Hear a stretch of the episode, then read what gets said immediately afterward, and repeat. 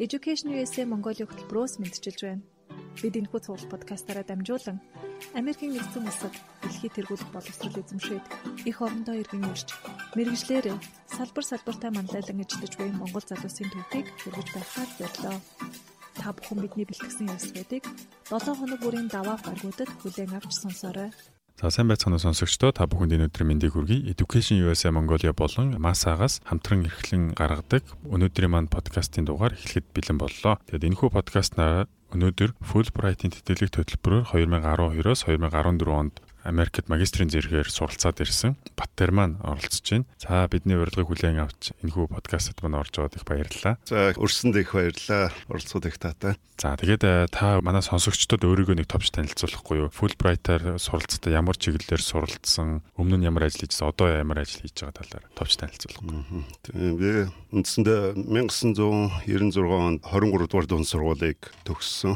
Тухайн үед намайг сурж байхад Орос сургууль ээж байгаад дараа нь Монгол сургууль болсон төгссөн байгаа. Тэгээд англи хэлний одоо дөрвөлжүүлсэн анги төгссөн. Энэний дараа бол тухайн үеийн TIS техник их сургуулийн Катемсиг компьютерийн техникийн инженерээр техник хангамжаар төгссөн. За сургуулаа төгссөний дараа Америкт Комерийн нисхийн академид нисгчээр Мятас болов анхудаа Америкт нисгч бэлдэх тэр шалралтанд оролцоод тэнцээд Флоридад Орландод бол Комерийн нисхийн академик нисгч мэрэгчлэр бол төгссөн байгаа. Энэний дараа Мят компанид бол нисгчээр ажиллаж байгаад 2010 оноос бизнес хөгжлийн хэлтсэд бол компани хөгжил хариуцсан ахлах мэрэгчлэнээр давхар ажилласан нисгчийнхаа хажуугаараа ингэж явахдаа бол Fulbright-ийн нисхийн бизнесээр цаашдаа явъя гэж одоо Fulbright-ийн тэтгэлэгт хоёр удаа материалаа өгч шалгалт өгсөний дагуу Fulbright-ийн тэтгэлэгт тэнцэж Монголын засгийн газрын болон Fulbright-ийн хамтарсан тэтгэлэгт тэнцэж Embry-Riddle Aeronautical University-г бизнес удирдлагын магистраар төгссөн. Энэний дараа бол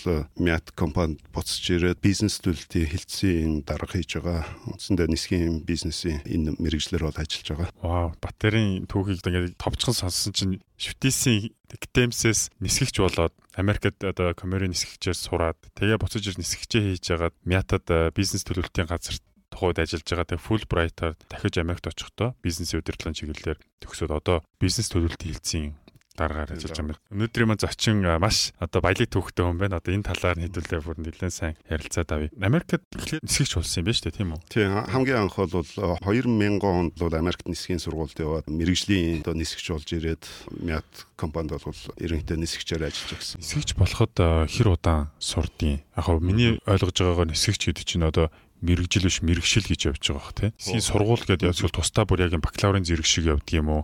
Яаж явдаг юм? Яг нь нисгч бол мэрэгжилтэй. Гэхдээ нисгчийн мэрэгжлийн нисгч болоход бол хүрдэг замууд нь бол үнэн тухайн одоо мэрэгжил маягаар шат дараалтаагаар одоо олон төрлийн сургалтанд хамрагдаж тус тусад нь одоо мэрэгжлийн үнэлэх авч тэрнийг ахиулж явсаар байгаад бол эйрлайны буюу агарын тээвэрлэгчийн нисгч бол болдог. За анх бол Америкт сурахад бол хамгийн анх private pilot license буюу хувийн нисгчийн үнэлэх гэж бол авдаг. А энэний дараа э, бол instrument pilot буюу зөвхөн хэрэглээ харж нисдэг одоо тийм эрх авдаг. Энэний дараа commercial pilot license гэж ийм шат дараалтаагаар авдаг.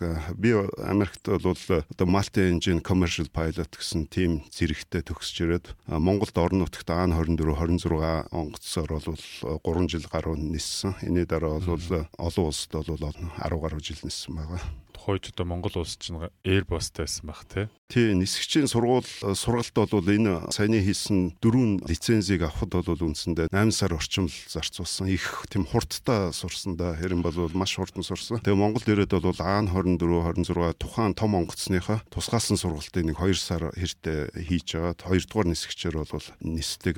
Тэгээд 2005 он тухайн үед Airbus 310 300 гэдэг одоо өргөн их биетэй 210 гаруй хүний суудалтай тийм онгоцны 2 дугаар нисгч болж дэвшиж олон улс нисдэг болсон. Тэгээд э, чи сая ярианы ихэнд дурдж ирсэн шүү дээ. Би ингээд чүтээс Ictemst компьютерийн техник хангамжаар суралцж байсан. Яаж яагаад одоо нисгэгчээр тэндээс Ictemsээс яг Америк руу сургуульд явсан юм байна. Дээрэс нь төлбөрийн хувьд мятаас төлбөр нь гард юм уу эсвэл өөрсдөө төлбөрөд ингээд сонгон шалгарсан хүмүүс өөрсдөө төлбөрөө төлөөд явдаг юм уу? Тэр хэсэгтэр нь. Тийм, ерөнхийдөө бол тийм мэрэгжлийн хувьд бол одоо их тийм огцом одоо шилжилт хийсэн л да. Үндсэндээ компьютерийн чиглэлийн суурьтай байж байгаа нисгч болоод тэрнийхээ дараа ингээд бизнес талын сургуульд яваад ерөнхийдөө хоёр удаа тийм том шилжилт хийсэн. Тэгээд манай хөрш мятын нисгч байсан одоо талигач болсон. Тэр хүнийг ерөнхийдөө хараад би одоо тэдний гэрт бас ингээд орж тоглож ярихад бол ерөнхийдөө онгоцны их олон модельтэй их тийм надад их гоё санагддаг гэсэн тэ форм өнсөд ирж явах. Тэгээд Катемс төгсөөд байж байхдаа бол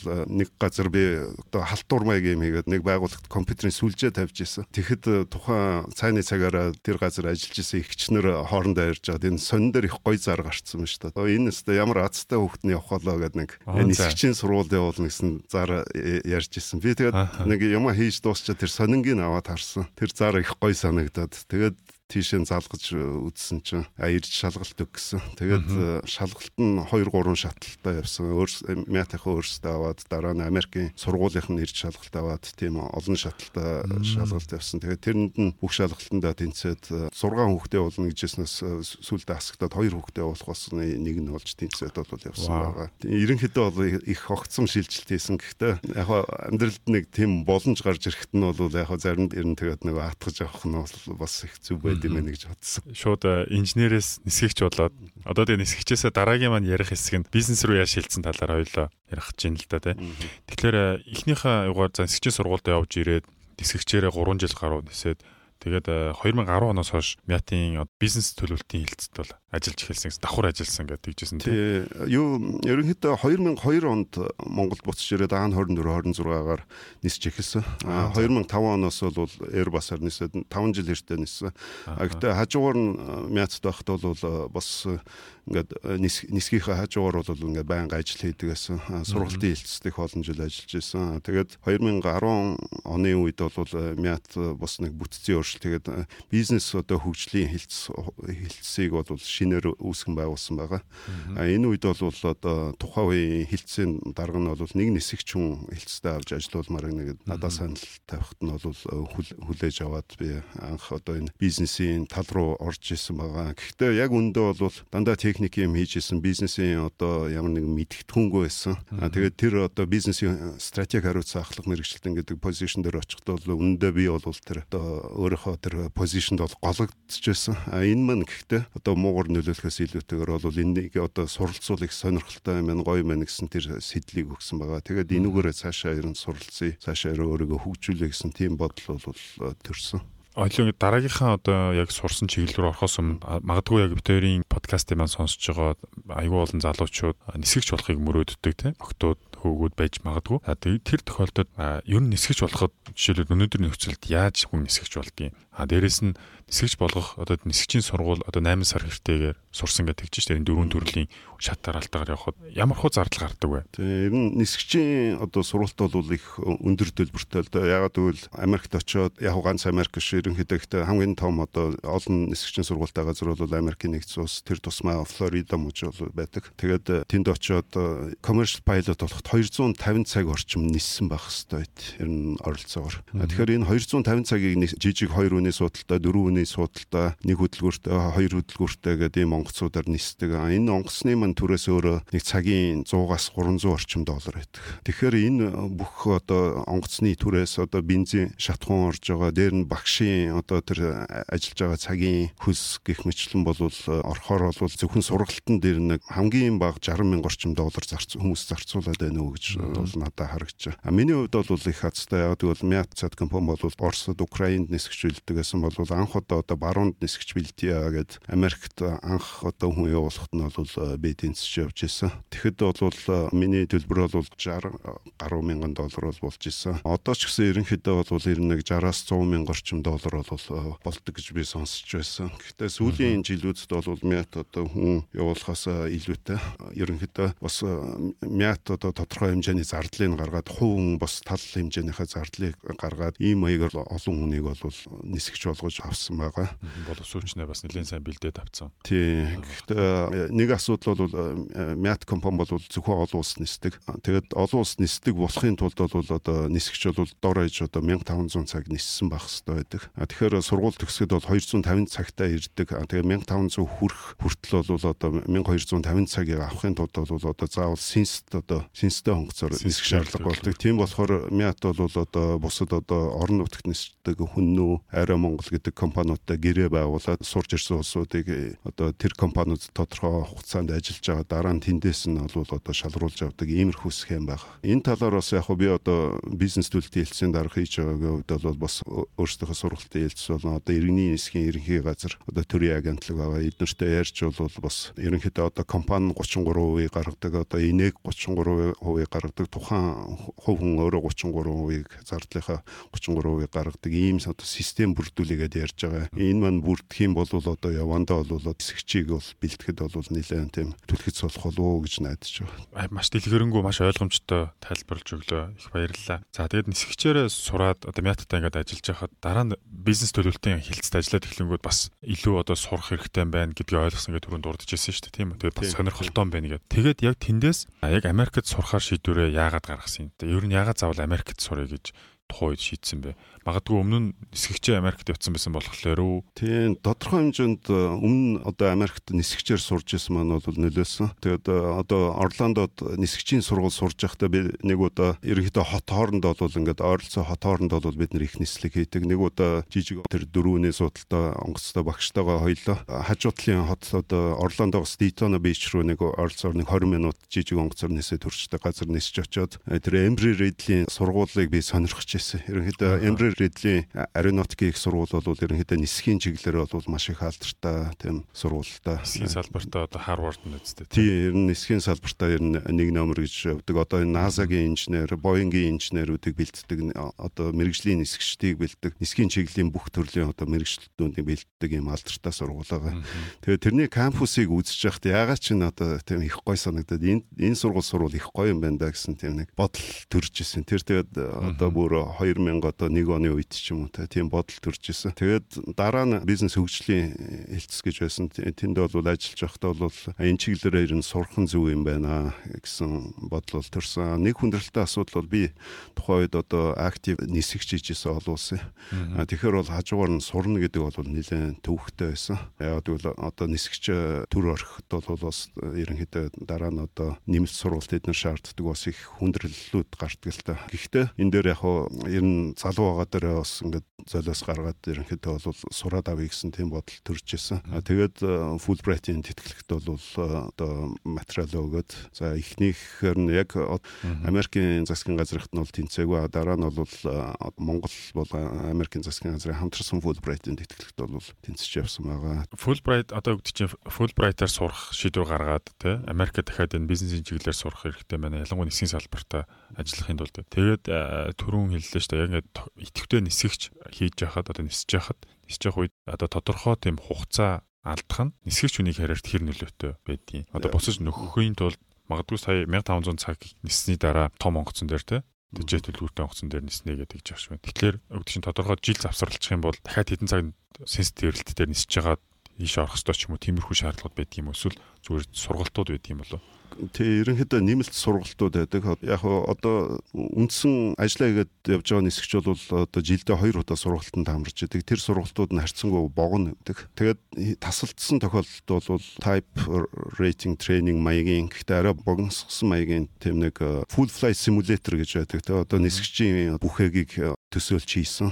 Эсгчд одоо дадлага хийдэг тийм одоо бүхэг байдаг. Тэрэн дээр бол одоо энгийн үед бол хоёр удаа одоо жилийн хоёр удаа явахдаа нэг удаад нь бол хоёр удаа бүхэгийн сургалт хийдэг бол одоо 2 жил завсарчсны дараа бол нэг 5-аас 6 удаа хийдэг ч юм уу тийм арай олон шаардлага тавьдаг. Дээр нь нислэгэнд заавал багш нисгчтэй одоо чиглэл болгонд явдаг.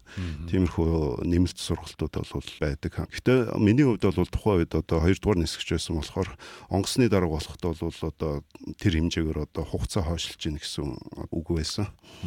Тэр утгаараа бол яг хаа бас одоо нэг карьерийн нэг талын одоо золиос игээд боловсрлыг олж авах тийм шийдвэр гаргаж ирсэн. Тухайд Fulbright-д тэнцэхэд чинь эхлээд Америкийн засгийн газрын санхүүжилтөд Fulbright-д өгөөд тэнцээгүйгээд гэж шүү дээ. Тэгээ сүүлд тэнцэхэд юу н одоо чамааг тэнцэхэд нөлөөсөн гэж бодож байна. Тэгээд одоо Fulbright-д өргөдөл гаргахад хамгийн одоо их цаг шаарддаг те өөрийгөө бэлтгэх ёстой зүйл нь юу байсан бэ?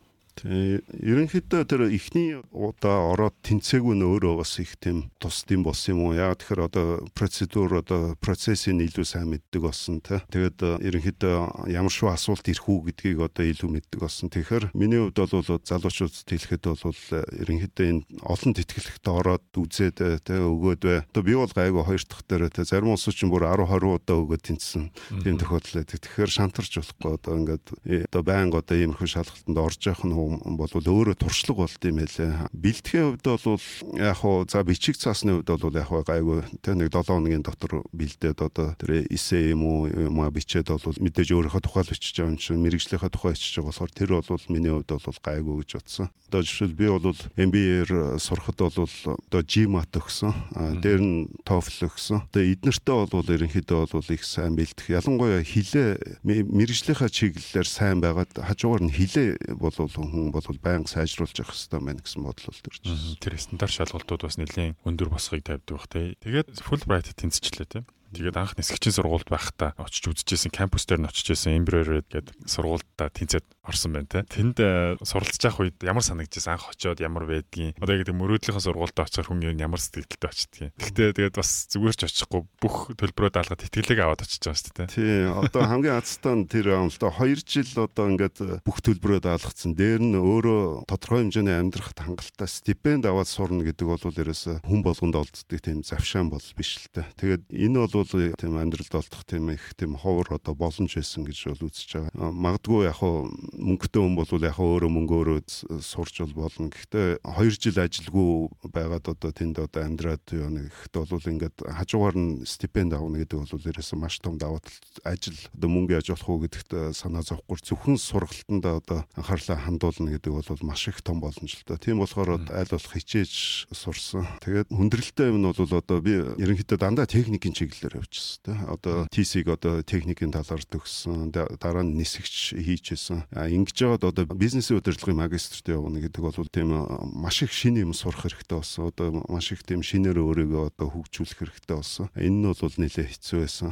Тэгээд эхний семестрт дөнгөж очиод бол бас их тийм хичээл сонголтын дээр буруу сонголт хийсэн байсан. Тэр MBA нэг хичээл нь бол finance одоо санхүүгийн хичээл байдаг. Энэ одоо санхүүгийн хичээл үзэхэд бол би хамгийн эхний семестрт авсан хамгийн хүнд хичээл энэ ингээд эхний семестрт авсан байсан юм байна. Тэр нэг өөрөө мэдгүй.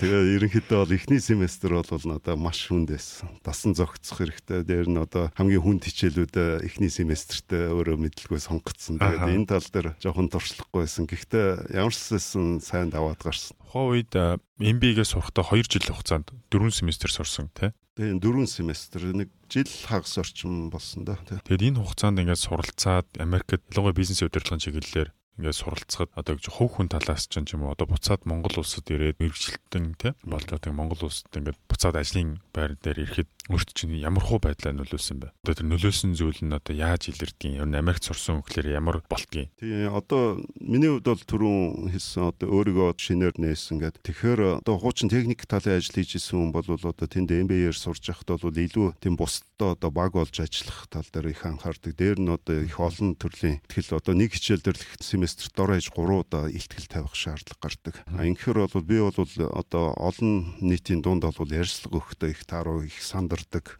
бодсон санснаа илэрхийлэхдээ жоохон таарахын тийм байсан. Тэгээд очиод хичээл болгон дээр ингээл байнга ерөөсөө нөгөө хүмүүсийн өмнө нээлтгэл тавиал хүмүүстэй одоо санал солилцох хэрэг гарч байгаа учраас баг хүчээр шахуу тийм юм сурч тийм бэл. Тэгээд одоо олон улсын өөр өөр ёс заншилтай хүмүүстэй одоо хамтарч ажиллах одоо хичээл болгон дээр 2 3 тустай групп гардаг тэн дээр нь ингээд бусад улсын өөр одоо бэкграундтай өөр тийм улсуудтай бол хамтарч ажиллах хэрэг гардаг. Энэ дээр бол илүү одоо хүл хүлээцтэй байж илүү одоо тийм багийн тоглогч болох хэвээр мэн гэсэн тийм бол э, бодол төрж исэн. Тэгээд тэр чадварууд ч гэсэн одоо Монголд ирээд одоо ажлын байран дээр. Тийм тэр чадварууд их хэрэг болж байгаа. Дээр нь мэдээж яг хуу тэнд олж авсан мэдлгүүд одоо Америкийн сургуулиудын нэг давуу тал бол надад тэгж бодогдсон. Одоо зөвхөн академик гэхээс илүүтэй илүү тийм ялангуяа магистрийн зэрэгт Америкт сурж байгаа оюутнуудын хувьд бол илүү одоо тэр бодит одоо үйлдвэрлэлтэй холбож өгсөн одоо жишээл манай сургуульд л одоо Америкийн том нисэх компаниудтай бүгднтэй хамтарч ажилладаг, Boeing-тай хамтарч ажилладаг, NASA-тай хамтарч ажилладаг. Тэр тэдний ажилчид бол манай сургууль дээр ирж байнга ярилцлага хийдэг. Тэдний бүр одоо ингээд тодорхой хэмжээний одоо хэрэгцээтэй байгаа судалгаа шинжилгээг одоо бид нар оюутнууд хийж өгдөг.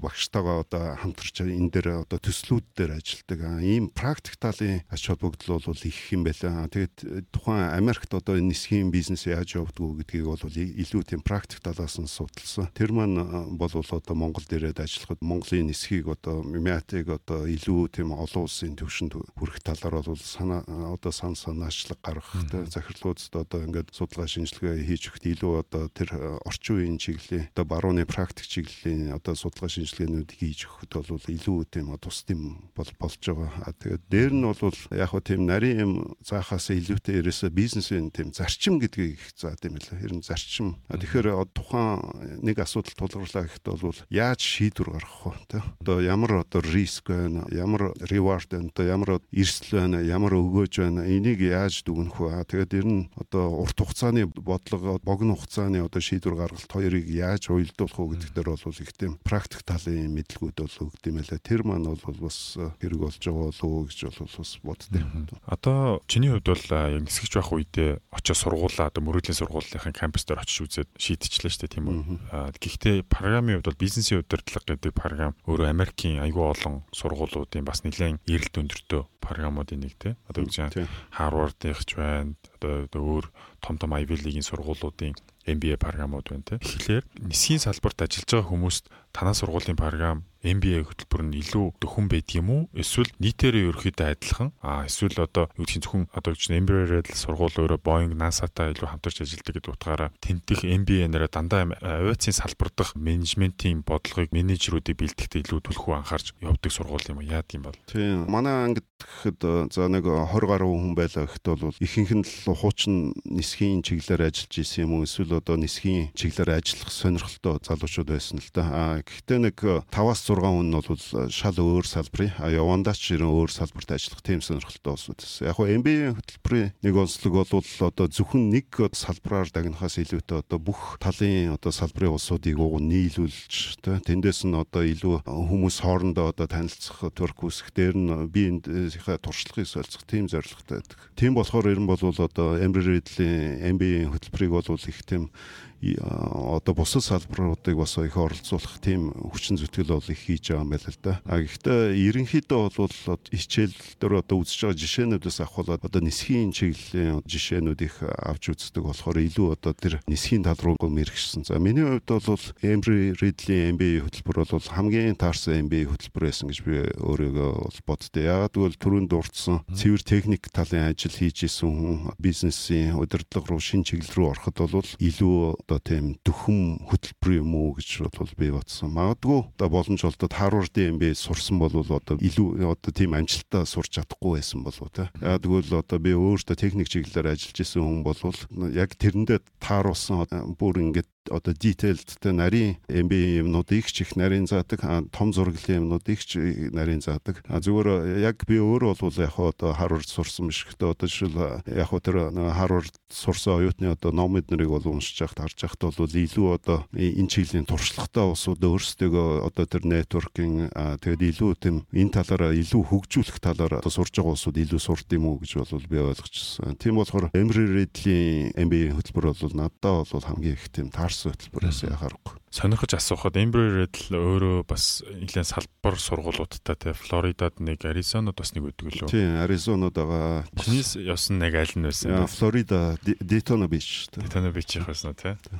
Гэтэ нэг сургуулийн юу байх те? Бодвол үндсэн кампус нь ер нь бол Daytona Beach, Аризонод бол туслах одоо салбар нь. Тэгээд Embry Riddle бол онлайн тэгээд дээр нь бол worldwide гэсэн хөтөлбөрүүд байдаг. Тэр нь бас ер нь дэлхийд даяараа юм одоо жижиг офисуудтай одоо төрөөс төрөөсийн байруудтай тэн дээрээ бол одоо хүмүүсийг авчирч одоо тийм сургалтууд бол явуулдаг тийм сургууль байгаа. Үндсэн хоёр кампус. Флоридад амьдрахад ямар байдаг вэ? 2 жилийн хугацаанд бас тэг ч бас нэлийн халуун тал руугаа орно те. Далайн эргээд дээр энэ төр нэлийн алдартай. Хамаас дээрээс нь жоохон цунами энэ төр их болох гээд байдгүй. Цунамиг нэг хар салхин төр нэлээ болоод байдаг те. Тийм цунами одоо хурикан их болно. Тэгээд Флорида ер нь их гоё л доо их гоё байгальтай. Тэгээд одоо Монгол хүний хувьд бол далайн эрэг дээр 2 жил амьдрна гэдэг бол их тийм таашаалтай сайхан байсан. сургууль дээр далайн эрэг дээр. Тэгээд өглөө бас бол ер нь далайн эрэгээр нэг 20 минут алхаад тэгээд нэг номоо аваад очдөг. Тэгээд далайн эрэг дээр л хичээлээ хийдэг гэсэн шүү дээ.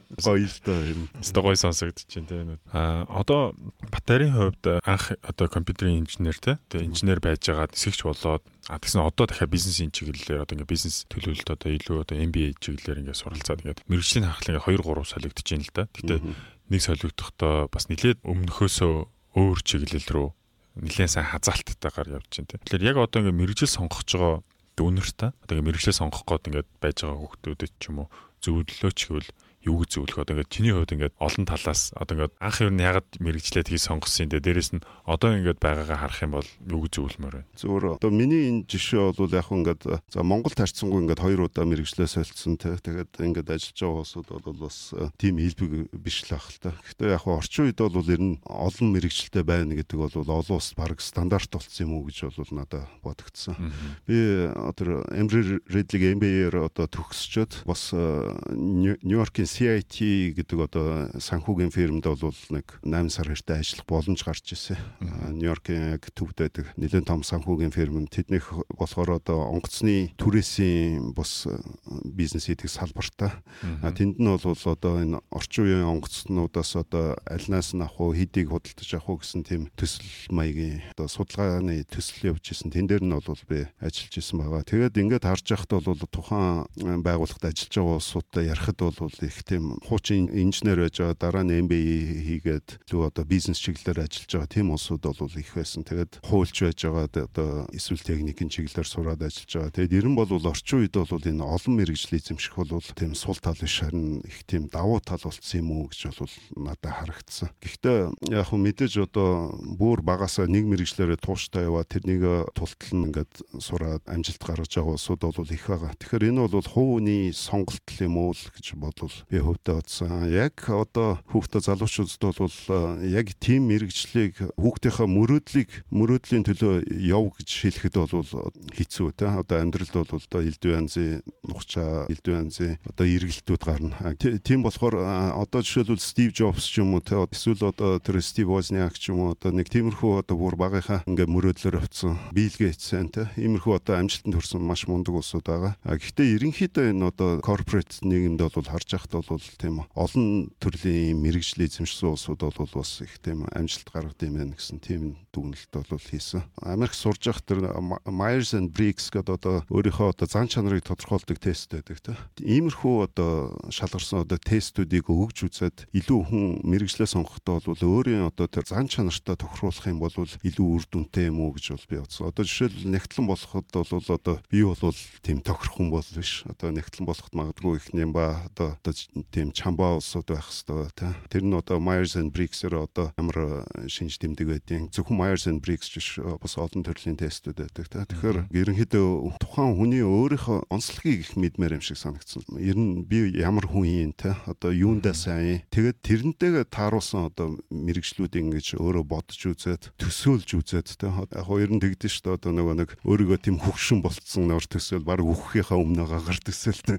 Тэгээд үзэхэд ингээд нөгөө нэг одоо тэр мэрэгчлэр ингээд яваад одоо тийм амжилт гаргаад ингээд тэтгэвртэй суулаа гэхэд одоо надаа зохихоор нөгөө таалагдчих гинүү гэдгээ их тийм сайн мэдрэх хэрэгтэй юм шиг санагдсан л та. Өстой гой зөвлөгөө байна. Айгу олон залуучууд одоо өнөө маргааш таа гэдэг чинь ингээд нэг мэрэгчлийг сонгоод магадгүй тэрийгэ буруу сонгочлоо гэдэг тэндээ тухайн сурж байгаа чиглэлээрээ илүү амжилт гаргахгүй ингээд тэрнээсээ хөндөрхийн оронд олон зэрэг чиглэлээр олон өөр чиглэлээр өөрийгөө сорж үзээд ингээд явах тусмаа хөдөлмөрийн зах зээл дээр илүү давуу талууд бий болно гэд тэгж ахш байна тий. Тий илүү Сүрийн хатан. Ер нь бас нэг боддог юм уу л да одоо эцэг эхчүүд ч юм уу нэг тийм байдлаар одоо хүүхдтэй шийдвэр гаргахад нь бас нөлөөлөд байгаа юм шиг санагдаж. Жишээлбэл одоо Монголд уул уурхаа хөгжиж байна те. Тэгэхээр ерөөсөө за уул уурхаа л хөгжих юм байна гэдэг одоо уул уурхаагаар хүүхдээ сур гэдэг ч юм уу те. Энэ бол надад их буруу санагдсан л да. Яг тэгэхээр бол одоо үндсэндээ дэлхий бол одоо интернет орчин эднэрээс болоод бол ковид үе ч гэсэн харж байгаа хта ерөнхийдөө зайнаас ажиллах юм боломжууд их гарч байна. А ер нь хүн хаач очиод ингээд сууршаад одоо ажиллаж хөдөлмөрлөхөд бол боломжууд бол одоо хуучнаас бол шал өөр болцсон байна шүү дээ. Тийм болохоор ерөөсө хүн яг өөрөө тэр сонирхлынхаа дагуу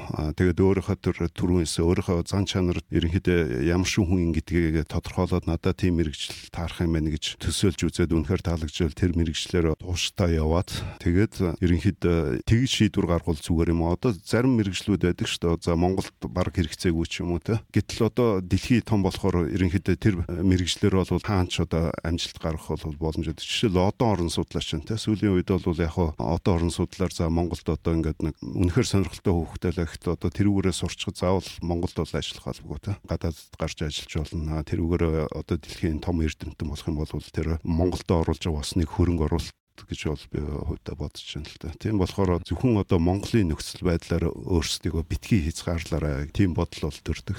За их баярлалаа. Тэгээд э, Батарын хувьд э, Америк явах хүсэлтэй залуустай одоо тэнд суралц хүсэлтэй залуусчуудад өгөх зөвлөгөө гэвэл за энэ гурван зөвлөгөөг хамгийн түрүүнд би бол одоо өгмөр байна гэвэл мэдээж юу н түрүүн бол хэл хэл бол маш сайн сурах хэрэгтэй. Яг үндэ бол надад тэгж бодогдсон шүү дээ. Би оюутан байхдаа Монголд одоо тийс сурж байхдаа бол хилээ нэлээд сайжруулсан. А яг 10 жил байхдаа ч одоо тухайн үед бол бас тийм англи хэл үнэхэр хэрэг болох юм уугүй тийм сайн мэддэгчгүй байсан. Бас яг тийм уган боломж нь байсан мөртлөө сайн сураагүй юм л. А тэгээд яг тийс сурж байхдаа үнэхэр энэ мэрэгжлийн хувьд ингээд одоо амжилт гаргахын тулд бол ихэнх ном зохиолууд хүртэл англи дээр байдаг та.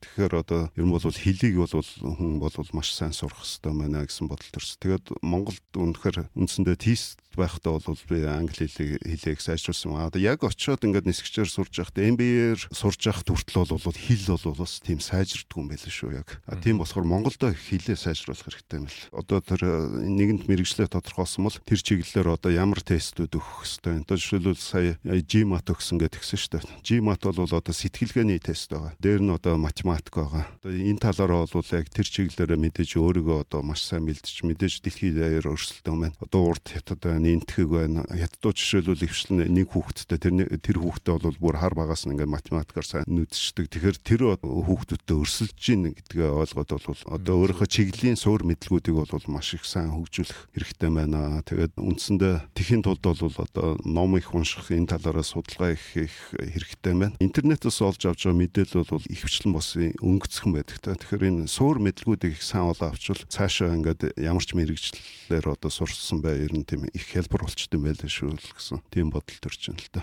А тэгээд тууштай түрүү хэлсэн те ер нь зүгээр тэтгэлгийн боломж байх юм бол ерөнхийдөө өгөөд үзээд хэдийгээр тэр тэнцсэн ч бай тэнцээгүй ч тэр бол ерөөсө туршлага болоод яваад байт юм лээ. Хүнтэй нэг хүнд нэг ярьцлага өгсөн ч гэсэн одоо эхний удаа сандарт юм уу буруу зөрүү ярьд юм аа дараагийн удаа бол ингээд илүү цэгцрээ тавьчихд юм лээ. Тийм болохоор ерөөсө ер нь маш олон тийм тэтгэлэг өгөөл ах хэрэгтэй юм л. Өөрийгөө сайн сороод бууж өгөхгүй хүн шиг. Тий одоо нэг тэнцсэнгүүгээд орчихгүй илдээд яваараа гэж байна тий Батарын хувьд өнгөрсөн жил яг Америк төгсөгчдийн холбооноос зохион байгуулсан хөдөө нутгийн сурагчдад мэрэгчлэр хэн зөв сонгох вэ гэдэг одоо rural outreach trip маань бол хинти орнуудын аялалд явж исэн тий Тэгээ тухайн үед бол одоо ингээ сайн дураараа яваад явж байсан. Тэгээд ер нь Масагийн мембер дэ Масагийн үйл ажиллагаанд бас их нэлийн идэвхтэй оролцдог. Яагаад тэгдэг вэ? Масагийн талаар одоо Масагийн үйл ажиллагаатай холбоотой бас өөрийнхөө санал бодлоо. Тийм Маса мань бол Америкт төгсөгчдийн холбоо гэж явж байгаа. Тэгэхээр ерэн зүгээр гол яагаад оролцдог вэ гэхээр бол би ганцаараа яг хөө ингээд нөгөө Америкт сурсан одоо энэ туршлага зөвхөн ингээд мэрэгчлэлээр одоо ингээд э, сайн хэрэглээл өөрөө ингээд сайн яваал те ингээд амжилт болол явах бол бас бас тийм сонирн биш юм а гэсэн бодол төрсөн л дөө. Одоо ер нь зүгээр ижил төстөө туршлагатай мэдлэгтэй чадвартай энэ залуучуудаа нийлж ерөнхийдөө нийгмээ илүү хөгжүүлэх нь илүү чухал юм байна гэсэн тийм бодол бол ер нь байдаг. Тийм болохоор энэ Мазагийн одоо энэ гişүүдтэйгээ орхон бай. Тэгээд эднэртэйгээ нийлээд илүү тийм нийгэм чигсэн арга хэмжээнүүдэд нь оролцож бай гэж бодсон. Тэр хинти дорнд явхад бол надад бол их гой санагдсан л гэсэндээ төгсөх ангийн одоо хүүхдүүдтэй уулзшаа одоо тэд нартэй чөлөөтэй санал бодлоо солилцоо тэд нарт зөвлөгөө өгөх бол миний хувьд бол их одоо гоё экспириенс байсан. Тэгээд бид нэр 600 хүүхэдтэй болцсон баг тий. Тэгсэн тий. Тэгээд одоо нэлээ хэдүүлээ бараг 6 долуулаа явлаа та. Тэгээд их 100-аатай явсан.